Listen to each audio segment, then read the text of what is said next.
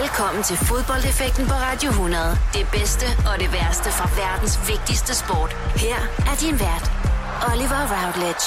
I feel glorious, glorious. Velkommen til denne uges udgave af Fodboldeffekten. Det er altså programmet, hvor I vi snakker om minder.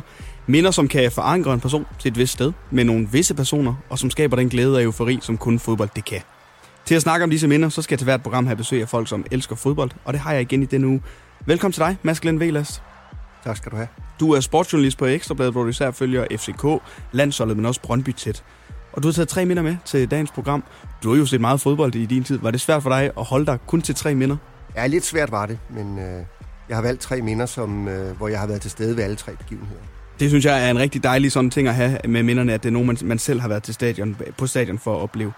Det er nogle gode minder, vi skal dykke ned i i dag, Mads Velas. Vi kommer vidt omkring, men inden vi lige hopper ombord i dine tre minder, så synes jeg lige, vi skal snakke lidt om Superligaen. Det nærmer sig jo snart en, en sæsonafslutning, så det gør vi altså lige om et øjeblik. Med det, så er der endnu en gang bare velkommen. Og så er der, med det, så er der kun tilbage for mig at sige velkommen til denne 43. udgave af Fodboldeffekten her på Radio 100. Du lytter til Fodboldeffekten på Radio 100 med Oliver Routledge. I denne uges udgave af Fodboldfægten er altså besøg af dig, Mads Glenn Velas. Du er sportsjournalist på Ekstrabladet, hvor du især følger FCK, Brøndby og landsholdet tæt. Og du følger FCK og Brøndby tæt i Superligaen, som jo nærmer sig en sæsonafslutning nu her. Vi er ved at, det nærmer sig weekend for weekend. FCK, de kan blive mestre den her weekend.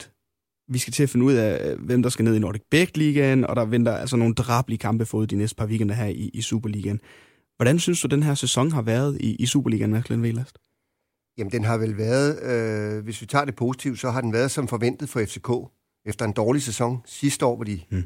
meget skuffende kun blev nummer 4, så har ledelsen haft tillid til Ståle, øh, fået lov at bygge videre på projektet, og man ser jo resultatet i den her sæson, hvor FCK er, er meget suveræne.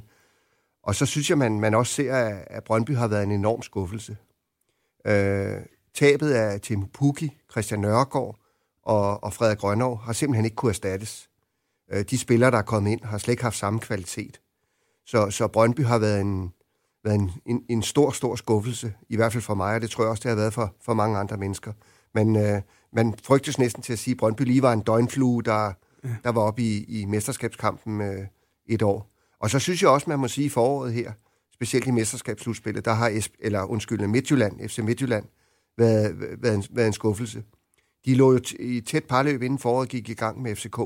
Men, øh, men de har slet ikke øh, evnet at, at, at, at vinde de her vigtige kampe i, i, i mesterskabsslutspillet. Så det bliver spændende i det lys at se, om Kenneth Andersen får lov at fortsætte som cheftræner. Hvad er det for en måde, FCK de har gået til den her sæson? hvor du siger, at de havde, de havde, de, bestyrelsen havde, havde tillid til Ståle Solbakken, lå han blive, og, og man har også hentet nogle, nogle nye spillere ind øh, for den her sæson. Men hvad er det for en måde, som de har øh, spillet så godt på? Fordi for mig at se, så har de jo været altså, overlegne, i hvert fald i foråret, synes jeg. Jamen det er jo, at ledelsen har haft tro på Ståle Solbakken. Øh, og og det, er jo, det er jo mange gange afgørende. Hvis det går skidt i nogle fodboldklubber, mm. så er det, at man begynder at ryste på hånden, så bliver træneren fyret, og så bliver der skiftet voldsomt ud. Men her har, har man, man prioriteret meget højt kontinuitet. Og det er, man har haft tro på det projekt, som Ståle Solbakken søsat øh, for, for flere år siden, og sagt, vi, vi er på vej. Vi havde et stort bump på vejen sidste år, men, øh, men vi er på vej. Men man skal jo så lige have med, at de kvalificerer sig trods alt til europæisk gruppespil i, øh, i sommer, hvilket også var en, en flot bedrift, når de kom fra en fjerdeplads i Superligaen og skulle igennem øh, fire kvalrunder. Nu nævner du selv uh, øh, FC Midtjylland her i, i foråret, hvor jeg, og du siger også selv, har været, har været lidt af en, en skuffelse. Man mister jo Jes Torup, så finder man Kenneth Andersen i, i egen rækker. Altså, hvad, hvad der her i foråret, er det, har det blevet for stor en mundfuld for Kenneth Andersen at skulle overtage det her hold? Fordi i efteråret, der klarede han sig egentlig okay, da han kom ind og tog over fra starten af. Ja, men der er jo altid en effekt. Han kommer ind midt i oktober. Ikke? Der er altid en effekt, når en ny træner kommer ind. Mm. Men altså, Kenneth Andersen er jo ungdomstræner. Og øh, det er en stor mundfuld at gå fra at være ungdomstræner til at være Superliga-træner, der skal præstere hver uge, og der skal vinde. Altså i det her tilfælde skulle vinde for at holde trit med FCK. Så, så altså, han har da, han har da, må da tage sin del af ansvaret for, at, at foråret ikke er gået som uh, forventet. Nu kan Midtjylland jo redde lidt, en lille smule af sæsonen, hvis de, hvis de vinder den her pokalfinale mod Brøndby. De har været i syv pokalfinaler før og tabt dem alle sammen. Ja, både som Midtjylland og som IKAST. Ja. Så, så et lille plaster på såret kan være den her pokalfinale. Det kan det også blive for Brøndby. Men, uh, men øh, for Brøndby vil jeg sige, at det er en fiasko, øh, hvis ikke holdet kommer i top 3, og det tror jeg ikke, de gør. Nej, fordi top 3 i øjeblikket på en tredjeplads, der ligger oprykkerne vestjyderne fra Esbjerg. En enorm overraskelse for mig i hvert fald, de er at finde derop. Hvad har det været et, et hold at få op i Superligaen igen? Esbjerg, de har jo været notoriske Superliga-hold i en del år, så har de været nede og vende et par gange, men har aldrig været det der tophold, som man, man ser dem hver i år. Hvordan synes du, det har været at følge Esbjerg den her Superliga-sæson? Jamen, jeg synes, det har, været, det har været underholdende, og man kan godt se den måde, de spiller fodbold på. De har en øh, hollandsk, et, øh, hollandsk træner, øh, og de, de, de, Esbjerg vil gerne spille fodbold. Øh, de er til tider kompakte, men øh, spiller på hurtige omstillinger og, og ikke så mange afleveringer, før de, før de afslutter. Så, så jeg synes, det, det, det har været en øh, forfriskende pust at, at se på. Og så må man sige, øh, som eksempel, at Brøndby har jo slet ikke fundet ud af, hvordan, hvordan de skulle spille Esbjerg. De har tabt alle fire indbyrdes opgør ja. til vestjyderne. Så lige nu er de øh, klare favoritter til den bronzemedalje. Vi bliver jo også nødt til at vende Brøndby lidt mere Mads Velast, fordi at to kampe inde i øh, forårssæsonen, der vælger man at sige farvel til tyske Alexander Zorniger, som altså var træneren, der var lige ved at bringe et mesterskab øh, til Brøndby sidste sæson. Så gik assistenttræner Martin Retov ind og, ind, og, ind og tog over. Hvad synes du om hele det her timing og, og det, der skete ude på Vestegn i, i, i det her tidsrum? Det, det var en mærkelig timing, for, for, for han bliver jo fyret 17. 17. februar. Ja. Og der har de spillet den første kamp mod øh, Nordsjælland og så øh, hvor, hvor de er heldige med at få uafgjort. Og så tager de over i Esbjerg efter en, det var sådan, det var, ja. efter en forfærdelig indsats. Mm. Øh, og, og, og man kan jo sige, at, at, altså undre sig over, hvorfor fyrer de ham ikke i vinterpausen? Mm. Fordi jeg synes, jeg synes tidspunktet var, var lidt besynderligt. Altså det har længe ligget ulmet, at, at, at han, han var på vej ud. Øh, og så må man jo sige, at Martin Rettau har jo ikke fået rettet op på, på Brøndby. Øh, Brøndby har ikke i hans periode formået at vinde to fodboldkampe i træk, og frem for alt har de ikke formået at lukke af bagud. Der er scoret mod den 14 kampe i træk ja. i Superligaen. De har ikke holdt et clean sheet siden 2. december. Det fortæller jo alt om, at nogle af de udfordringer, Brøndby har. Det lyder jo ikke på dig, som om du synes, Martin Rettor er den rigtige mand i øjeblikket til, til at videreføre Brøndby, og der er jo mange spekulationer omkring, hvem det skal være. Kasper Julemand er jo selvfølgelig et af de varme, varme emner. Hvem, hvem vil klæde Brøndby at få som træner øh, fra starten af næste sæson, synes du? Jeg tror, det vil klæde Brøndby at få Kasper Julemand, og så vil det klæde Brøndby øh, og, og give Kasper Julemand den øh, magt, som han, øh, som han skal have for at, for at drive Brøndby frem igen. Altså Kasper Julemand skal jo ikke have et talentprojekt igen. Det har han haft i Nordsjælland. Men Kasper Julemand er dygtig til at arbejde med unge spillere, og han kan drive nogle af de unge spillere frem i Brøndby. Forskellen på Nordsjælland og Brøndby er bare, at i Brøndby skal du præstere, der skal du vinde fodboldkampe. Så du får ikke så mange skud i bøssen af de unge talenter her. Og så giver Brøndby jo op økonomisk, og det vil sige, at, at, at i de næste år, der, der skal der bruges flere penge på, på spillere, så vi kan også forvente, at Brøndby får lidt bedre spillere. Mm. Og, og jeg ser i det projekt, ser jeg Julemand som, som den helt ideelle til at, til at løfte Brøndby tilbage til en måske ny storhedstid. Hvis vi skal kigge ned i den, øh, den mindre sjov ende øh, af tabellen, øh, så er det jo Vejle og Hobro, som skal ligge og kæmpe om den direkte nedrykning. Vejle, som jo var et forfriskende hold at få op i Superligaen igen. Hobro, som har, havde Allan Kuhn, sagde farvel og gik ind og, og fik Peter Sørensen og endte så med at, at få fjerdepladsen her i, i de her nedrykningsgruppespil. Det er en drabelig, en drabelig opgør, der venter forud imellem de to hold. Hvem tror du trækker det længste strå der? Altså mellem de to, så tror jeg, at Vejle trækker det længste strå. Uh, men så skal Vejle ud i en ny kamp ja. mod nummer to eller tre i, uh, mod nummer to i, uh, i, i første division. Så, så vejen til overlevelse for både Hobro og, og Vejle er jo lang. Uh, men, men altså, jeg synes, pilen har peget lidt opad i, uh, i, i foråret for Vejle.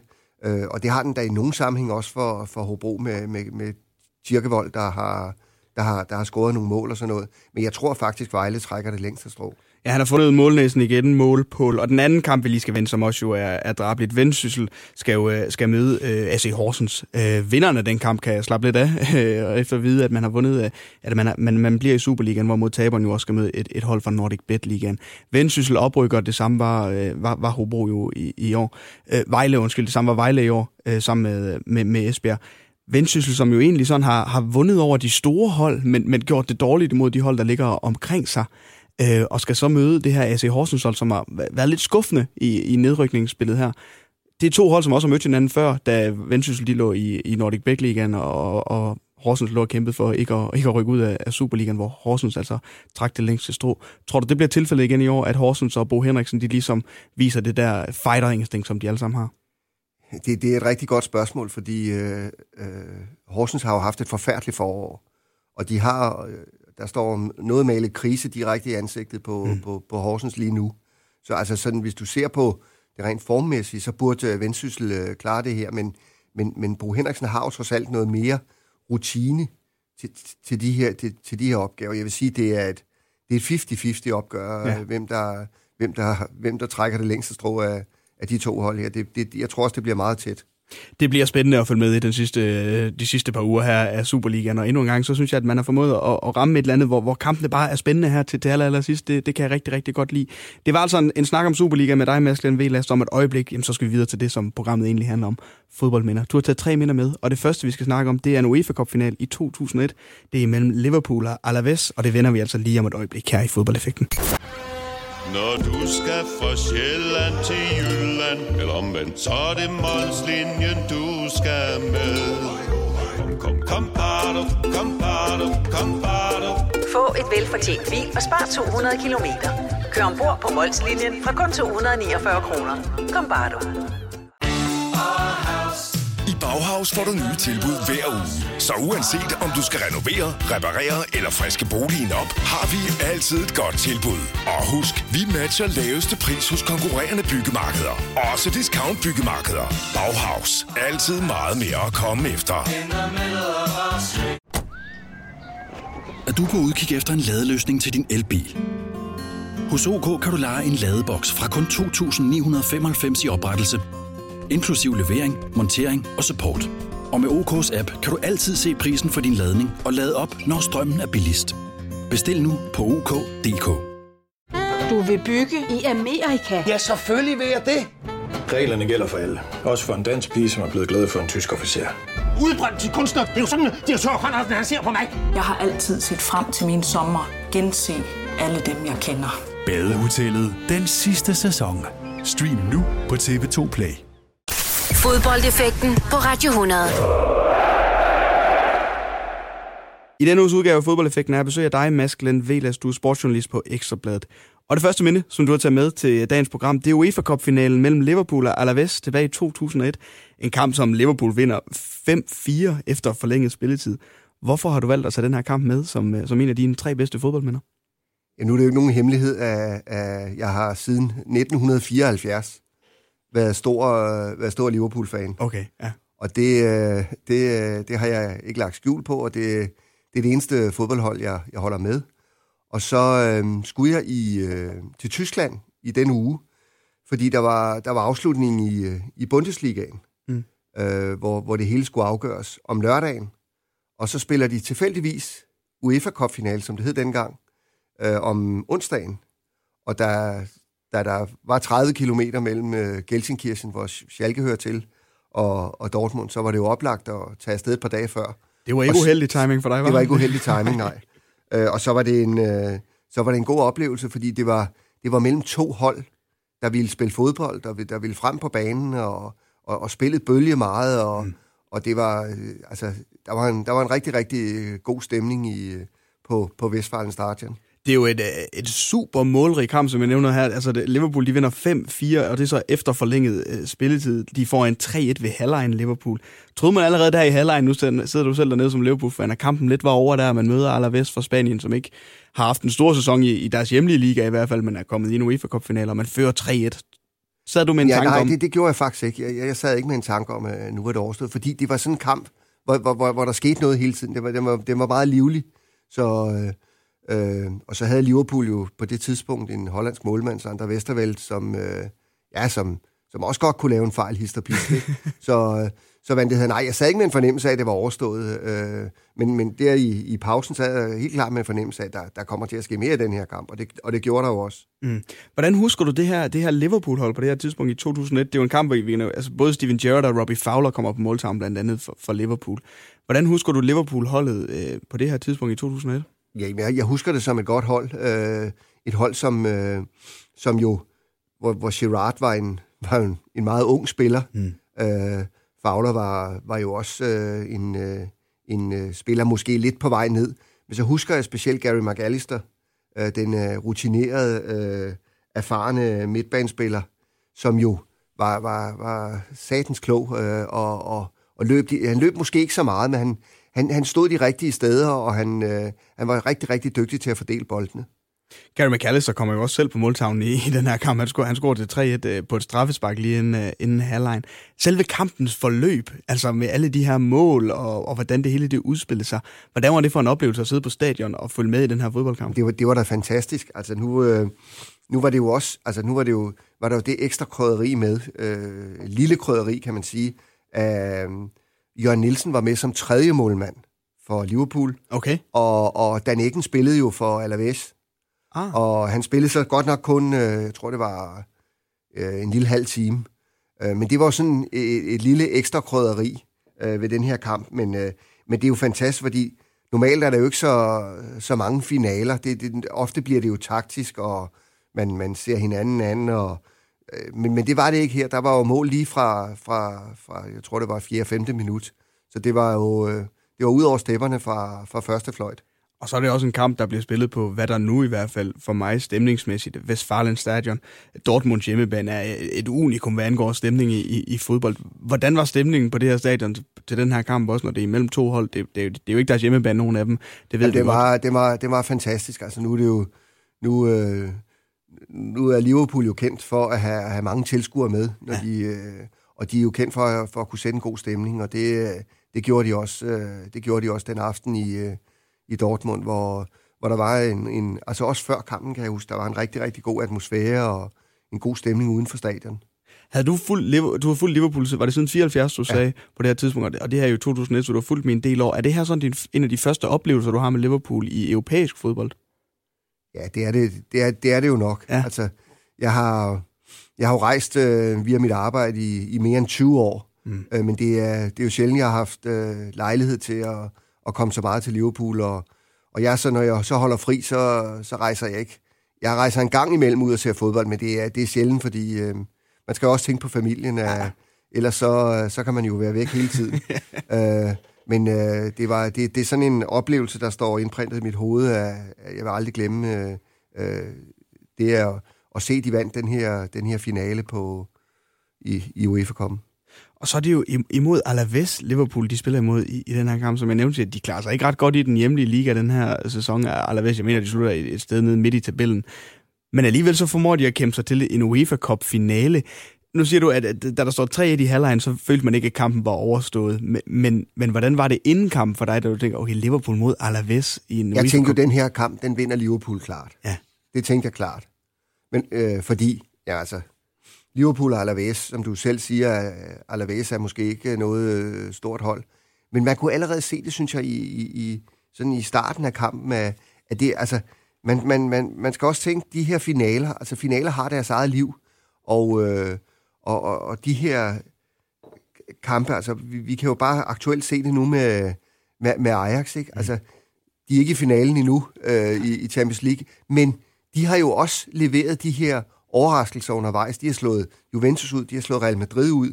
Og, og, og altså, det er jo det charmen ved, synes jeg, ved de her internationale kampe af, af, af et, lille hold, som Alaves øh, formåede at komme så langt. Men, men de havde jo også, de havde jo også en, øh, en berømt søn på det her hold, som, øh, som jo udlignede til, til 4-4. Jordi Cruyff. Jordi Cruyff, ja. Ja, han var jo, han var jo med på det her hold. Ja, og score på hovedstød øh, for, for et hjørnespark, ja, eller noget ja. i den stil i hvert fald. Og de slår jo også øh, Kaiser Slauturen 9-2 sammenlagt i semifinalen Alaves den her sæson, så de har jo formået at lave de her europæiske overraskelser i løbet af sæsonen. Men under selve kampen, udover det er en meget målrig kamp, jamen, så bliver der også uddelt ni kort. To af dem øh, røde kort, det er til Alaves. De to røde kort, de, de falder. Var der en ond stemning i løbet af den her fodboldkamp? Det synes jeg faktisk ikke, der var. Okay. Det synes jeg faktisk ikke, der var. Men det er jo klart, altså det, det er jo lidt op at køre tingene, og når, når, når det spidser til, ikke? Og, og, og det, det blev jo hektisk i, øh, altså mod, frem mod slutningen, ikke? Men, men jeg synes bestemt ikke, der var en ond stemning. Så er det også uh, Liverpool, det lykkedes med som sagt at vinde den her kamp efter forlænget uh, spilletid. Hvad betød det her for Liverpool i 2001? Hvad er det for en klub på det her tidspunkt, at man går ud og vinder en, en, en UEFA Cup? Er det så godt nok bare, at det er ikke den, det er ikke den store Champions League, men, men det er UEFA Cup. Var det et vigtigt, uh, et vigtigt pokal at få for Liverpool på ja, det her jeg tror, tidspunkt? det var, det, var, det, det var en vigtig pokal at få. Men, uh, Men den vigtigste, det er, jo, det, er jo, det er jo den her Premier League-titel, som de nu ikke har vundet i 29 år. Mm. Men altså, de har jo vist... Øh, de var jo en klub, synes jeg, lidt under opbygning. Og så kulminerer det jo med, vel med Champions League-triumfen i 2005. Og så, så har der været nogle enkelte oppop siden, men øh, de har været, de har været små, indtil jeg synes, øh, vi ser et øh, billede af et, et hold nu, der er, der er virkelig er på vej. Og så bliver jeg nødt til at nævne, fordi vi skal snakke om Liverpool senere i programmet, men der er vi lidt længere tilbage i tiden, der er vi i 1995. Men en af de spillere, vi har nævnt hans navn før, Steven Gerrard, han scorer altså i den her kamp. Han er jo en ung spiller på det her tidspunkt, Steven Gerrard. Det er 18 år siden, den her kamp blev spillet. For dig som Liverpool-fan, hvad betyder en mand øh, som Steven Gerrard?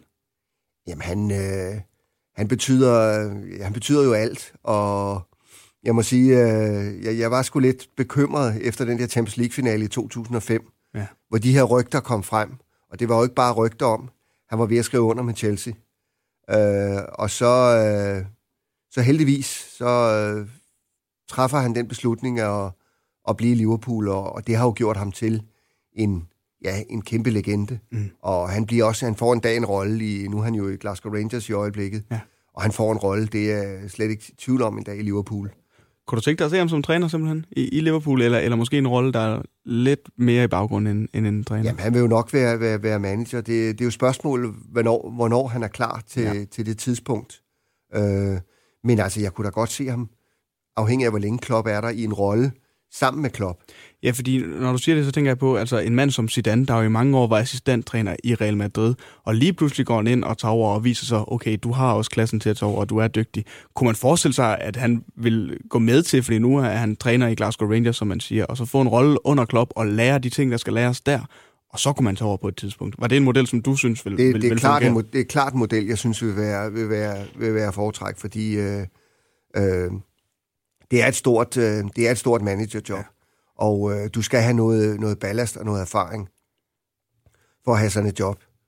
Og så vil det jo heller ikke til noget af ham, hvis det så var, altså det der er med de her klubkoryfæer, der jo går ind og bliver træner for det hold, som man har været i klubkoryfæ hos, hvis man så fejler, vi så det jo ikke fejler med Kenny Dalglish anden gang, han var inde i Liverpool, men han leverede måske ikke helt det, som man havde forventet sig, men det er jo ikke til noget, så vidt, nu er jeg ikke Liverpool-fan, men det er ikke til noget af det, som man har gjort for inden af, af Kenny Dalglish, han går ind og fejler. Og jeg regner med, at det vil være det samme med Steven Gerrard. Hvis han går ind og ikke helt leverer det, som man har regnet med, så er han stadigvæk en legende i Liverpool. Ja, og så får, får du nok lidt længere snor. Mm.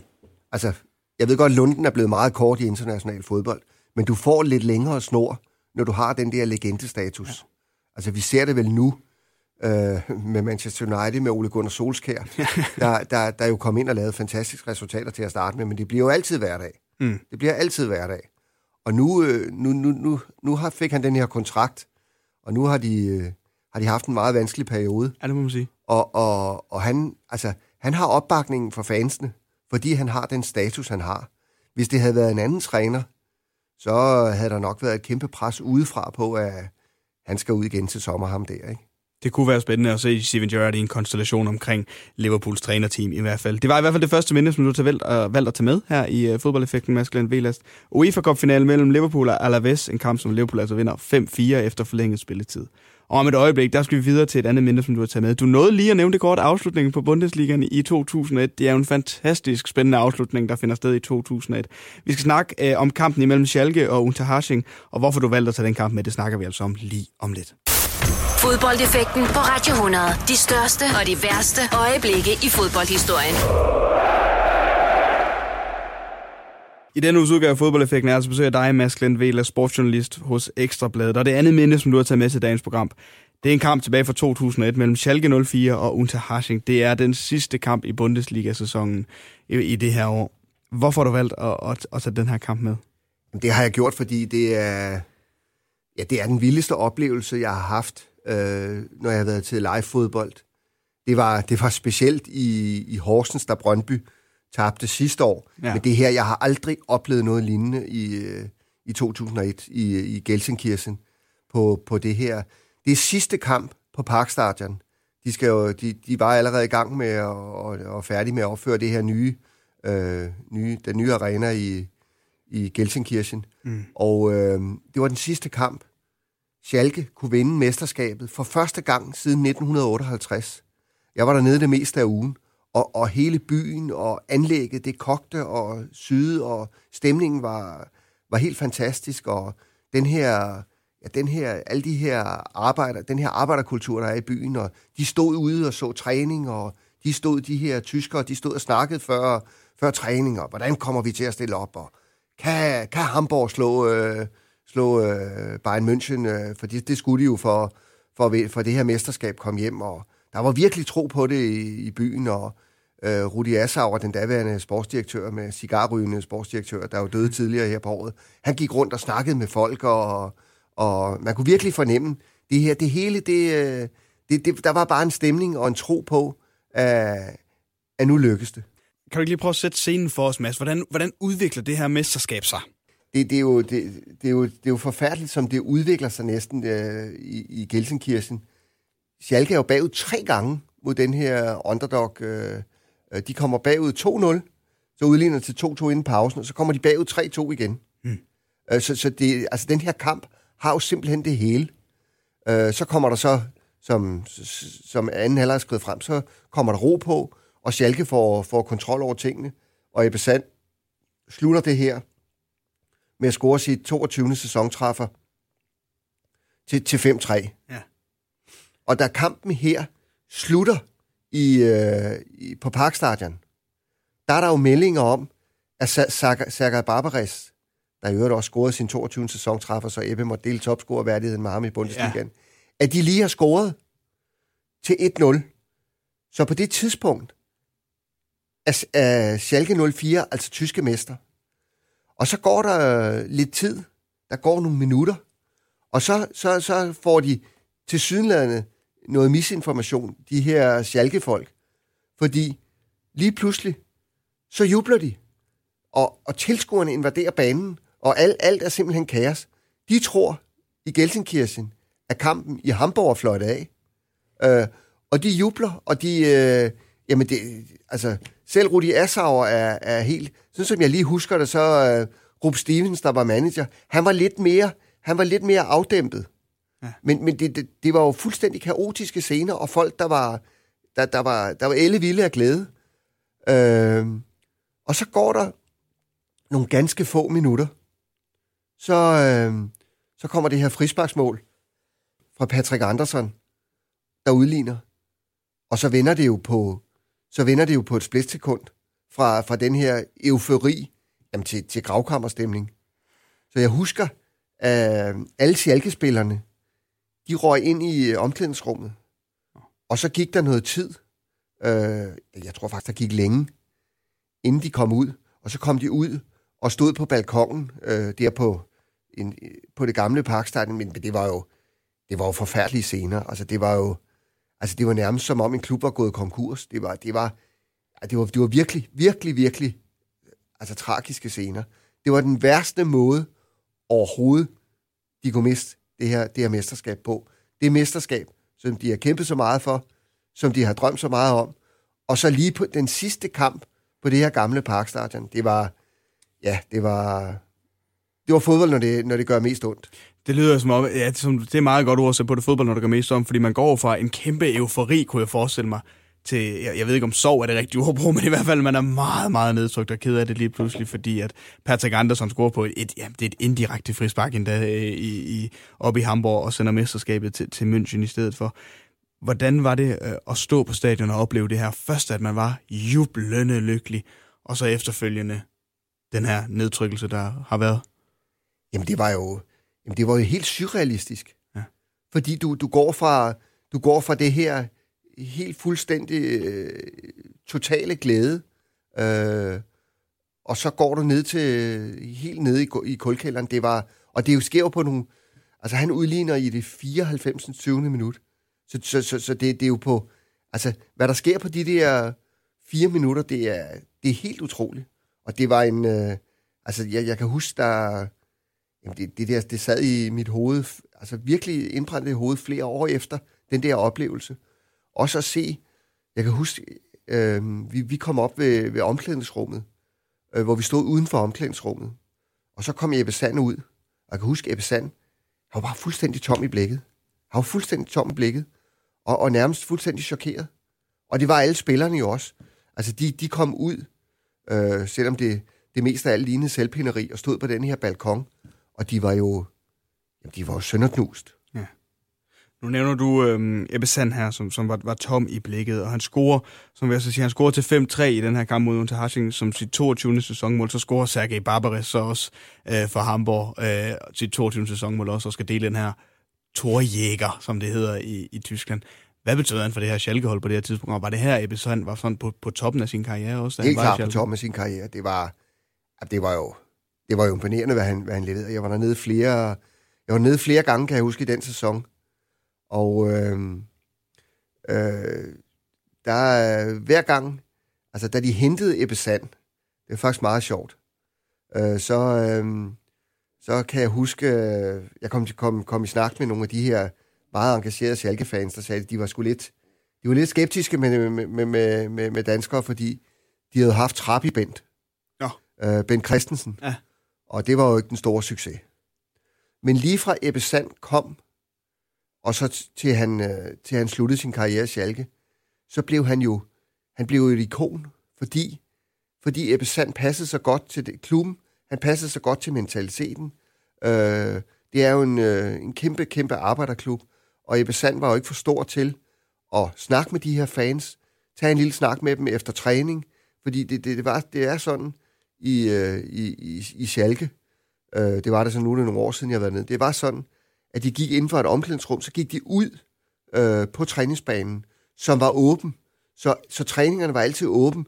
De stod, rundt- folk stod rundt om det her hegn øh, og kunne se træningen.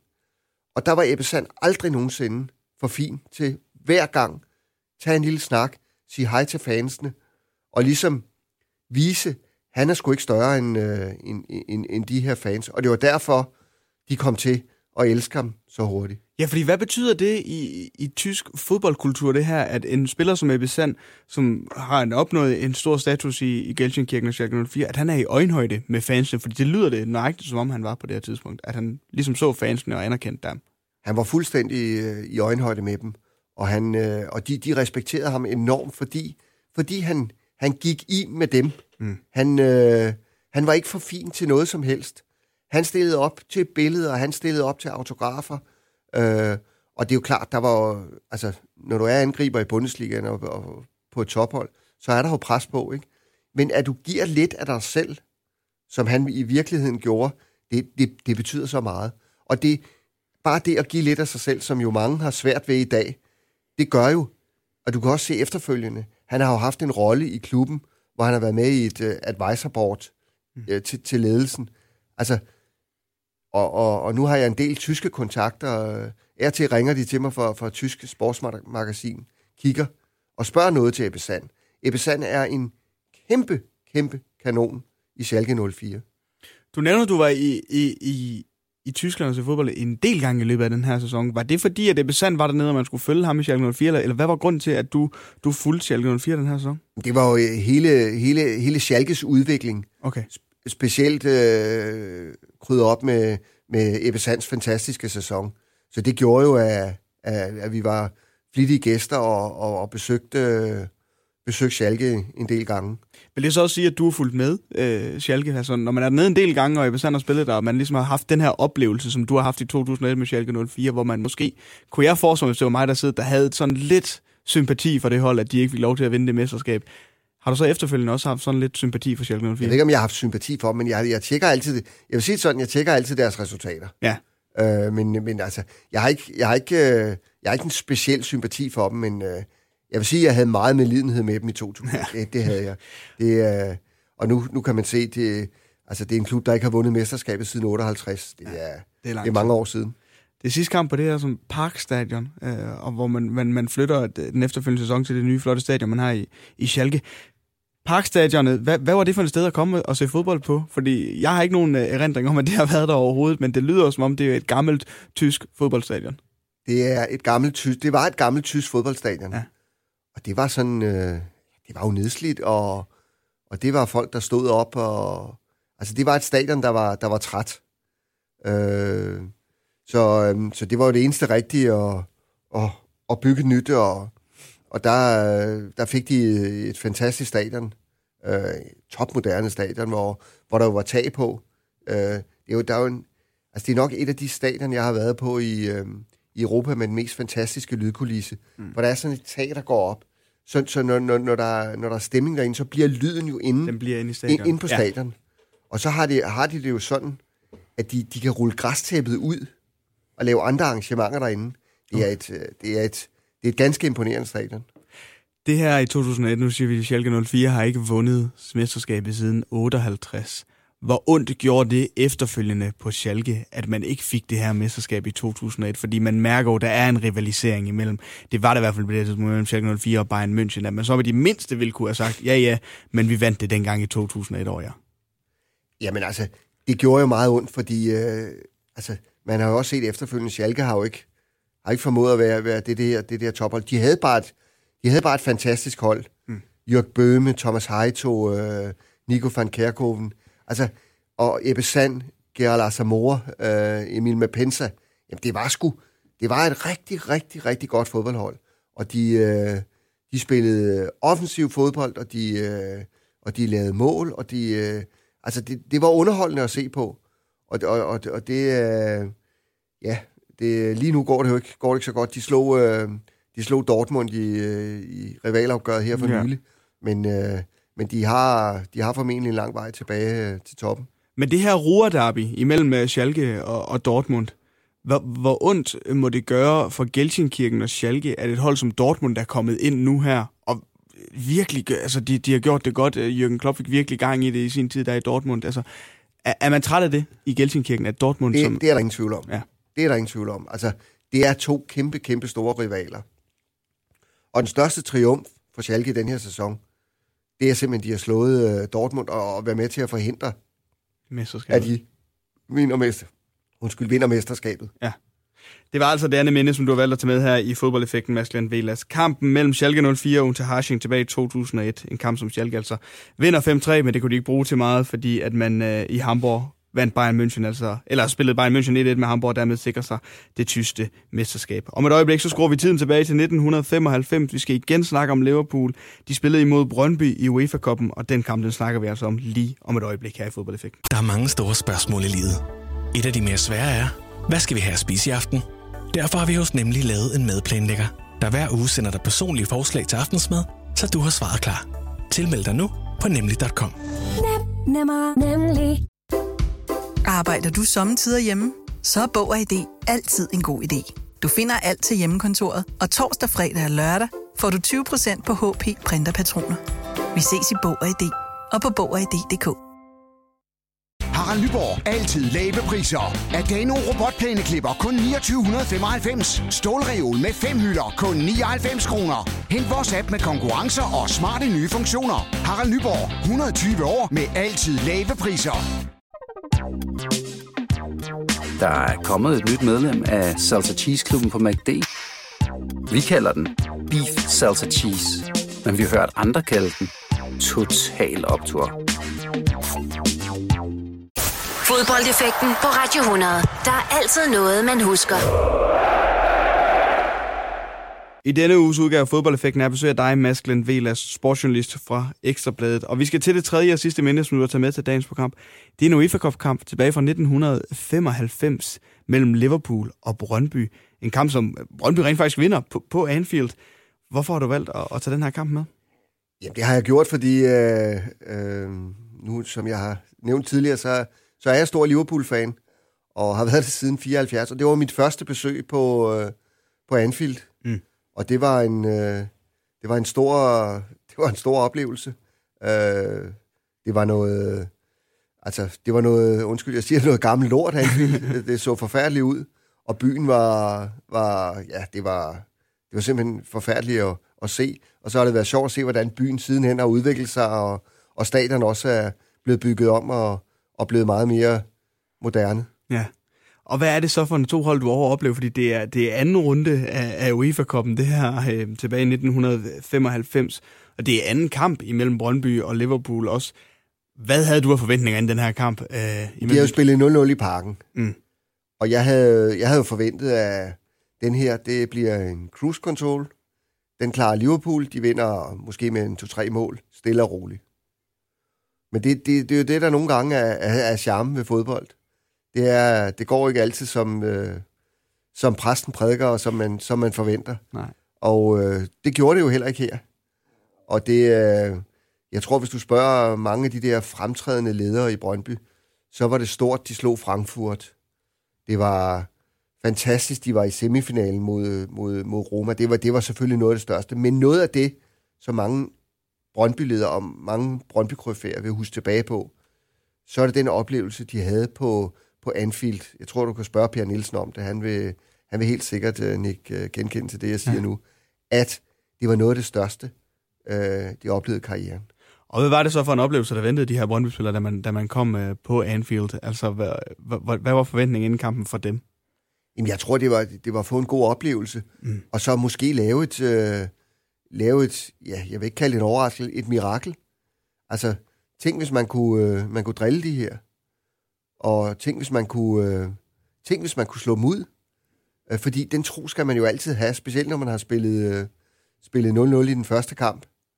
Og, uh, og Liverpool var jo ikke særlig gode på det tidspunkt. Altså, men det var jo en, det var jo en europæisk storklub. Ja. Øh, trods alt. Men det var jo ikke noget, øh, det var ikke noget, altså, stort hold.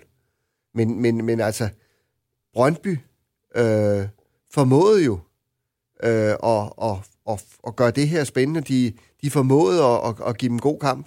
Og så, som ofte før, når, når man øh, spiller de her kampe, så, øh, så, så er det et af de farlige våben. Det er jo dødbolde til de her kampe. Og det var jo også en dødbold.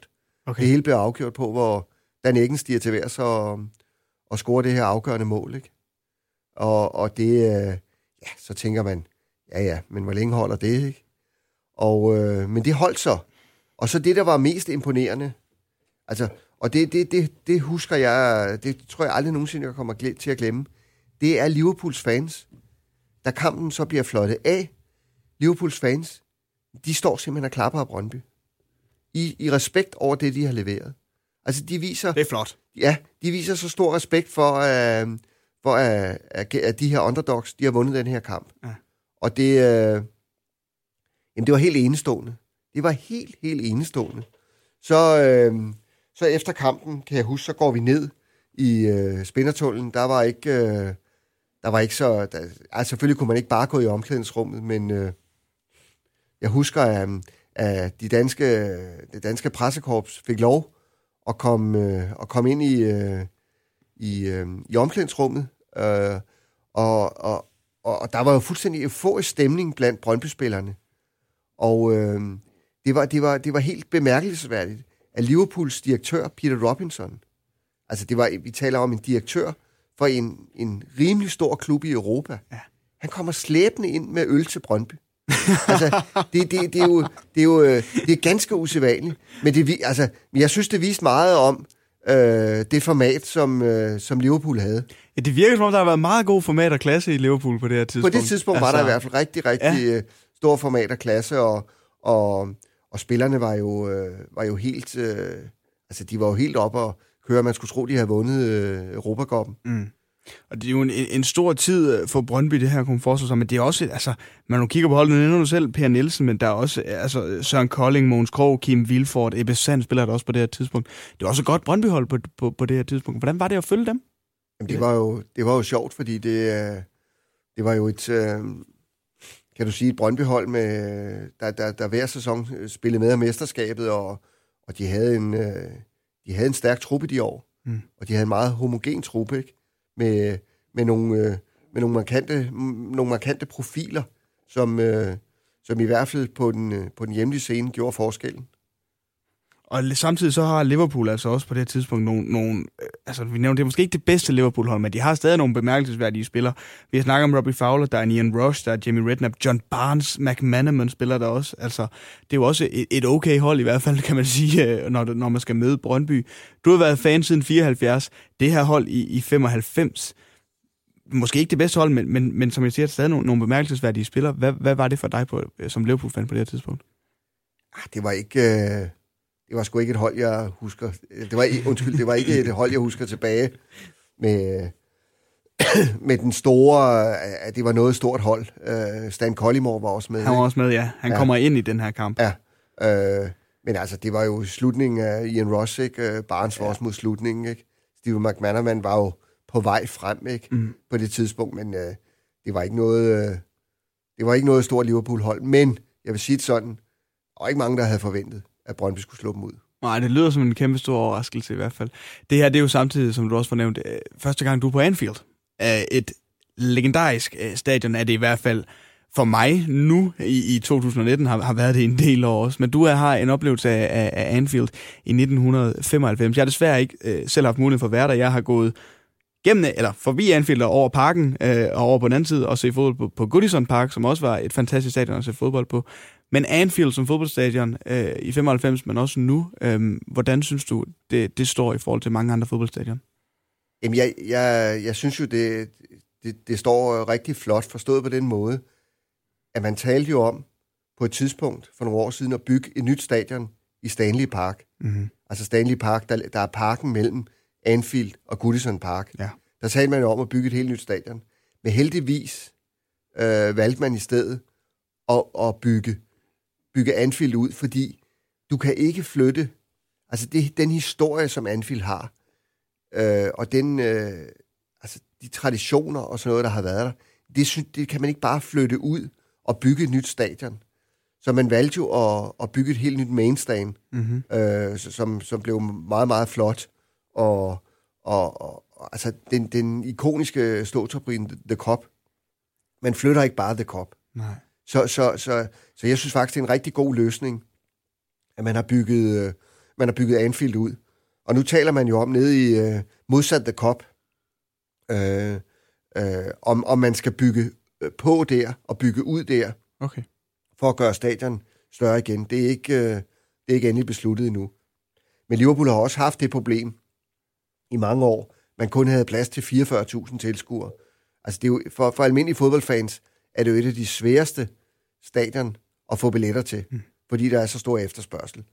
Så nu har man nu har man, nu er man kommet op på 54.000, og hvis man bygger ud øh, nede i øh, modsat ende af The Cup, så kommer man, som jeg lige kan huske, over, lidt over 62.000. Okay. Øh, men, øh, men der er jo stadig et stykke vej op til Manchester United, der har 75.000. Jo, jo, men, men, men, men stadig, øh, jeg kan godt lide det her med, som du også selv nævner her, at man ikke bygger noget nyt, men man derimod vælger at beholde Anfield, som, som det var, og som man kender det. Jeg synes jo, øh, det er en kæmpe stor skam, at man i sin tid... Jeg var klar over, at Highbury var gammel og sådan noget, men, men der er noget charme over de her gamle fodboldstadion. Jeg elsker at se fodbold fra Craven Cottage med Fulham, fordi jeg synes, det er et fantastisk fodboldstadion at se, at, at se fodbold på. Uh, City Ground også, for den sags skyld, som, som der var uh, med, med Manchester City. Hvad synes du om den der udvikling, der sker nogle gange med, at man vælger at bygge nyt og stort? Måske det nyeste eksempel, Tottenham Hotspurs, ikke? Øhm, i stedet for at beholde det gamle og renovere det, som Liverpool har gjort. Altså, jeg er jo mere til at... Til, jeg er jo nok lidt øh, på sådan en front af lidt gammeldags og konservativ, fordi jeg, jeg kan jo godt lide, at man bevarer det gamle, hvis, ja. hvis det kan lade sig gøre. Mm. Øh, fordi det, det skal jo også kunne, kunne være i de rammer, som det er, og det skal jo kunne optimeres, øh, altså og kunne, kunne bygges ud. Men, men igen, som jeg sagde før, man kan ikke bare flytte The Cop øh, på, en, på, en, på en mark et andet sted. Så altså det man med, at man bygger ud der, hvor man er, kan det lade sig gøre, så er det klart at foretrække. Nu har du fulgt øh, ikke bare Liverpool, men også Brøndby i, i mange år, Mads Lind Belast. Og den her kamp, kan man fortælle eller, eller sige, at det er måske en af de største triumfer i Brøndbys historie? At vinde 1-0 på Anfield imod Liverpool? Jeg ved ikke, om det er en af de største triumfer. Det var jo, øh, alt andet lige må man jo sige, det var større og, og, øh, at spille den her europæiske semifinale. Men det er nok en af de e- enkelte kampe, Mhm. som kommer til at stå i Brøndbys historie som en af de største. Men det var, altså alt andet lige må man jo sige, det er jo større at spille en europæisk semifinale. Men altså som enkeltstående bedrift, og så som, som hele historiefortællingen. Ja. Fordi Brøndby og Liverpool kan, godt, kan nogen, i nogen sammenhæng godt minde lidt om hinanden, bare i forskellige målstok. Så, øh, så er det en, en, en kamp, som, øh, som, vil, som vil stå meget, meget højt i Brøndbys historie. Det er jeg helt sikker på. Det synes jeg er meget interessant, at Brøndby og Liverpool i forskellige mål så godt kan ligne hinanden. Det har jeg aldrig tænkt over, men, men det er helt rigtigt. Altså med fankulturen, og man har en stor tradition og en, og en, og en stor historie i, i de to klubber. Det var altså det tredje minde, som du har taget med her til, til dagens program, med Glenn Kampen mellem Liverpool og Brøndby på Anfield tilbage i 1995. Brøndby de vinder altså 1-0 på udbanen på et mål af Dan Eggen i det 79. minut. Du lytter til fodboldeffekten på Radio 100 med Oliver Routledge.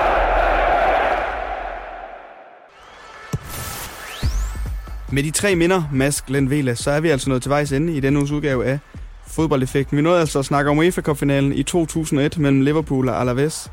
Schalke imod Unterhaching, sidste kamp på Parkstadion, sidste kamp i Bundesliga-sæsonen i 2001 også. Og den her kamp mellem Liverpool og Brøndby i 1995. Tusind tak for dit besøg og de tre minder, du har taget med, Mads. Det var så lidt. Tak fordi jeg måtte komme. Fodboldeffekten på Radio 100.